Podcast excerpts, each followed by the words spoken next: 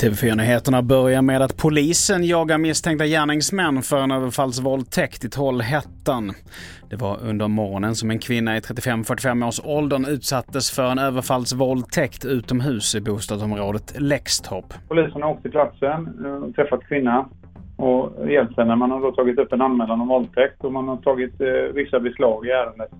Och nu kommer man då påbörja sökandet efter gärningspersoner, gärningsperson då. Och i inslaget här så hörde vi polisens presstalesperson Hans-Jörgen Ostler.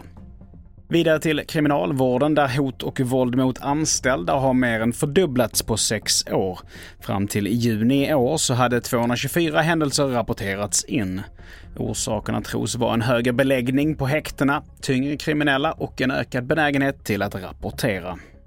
Och till sist, mer än hälften av fotbollsspelarna som spelade semifinal och final i EM 2020 och i Afrikanska mästerskapet 2021 fick utstå hatiska kommentarer på nätet.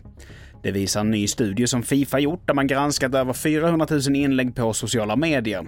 Majoriteten av kommentarerna var homofobiska och rasistiska. Fler nyheter hittar du på tv4.se. Jag heter Mattias Nordgren.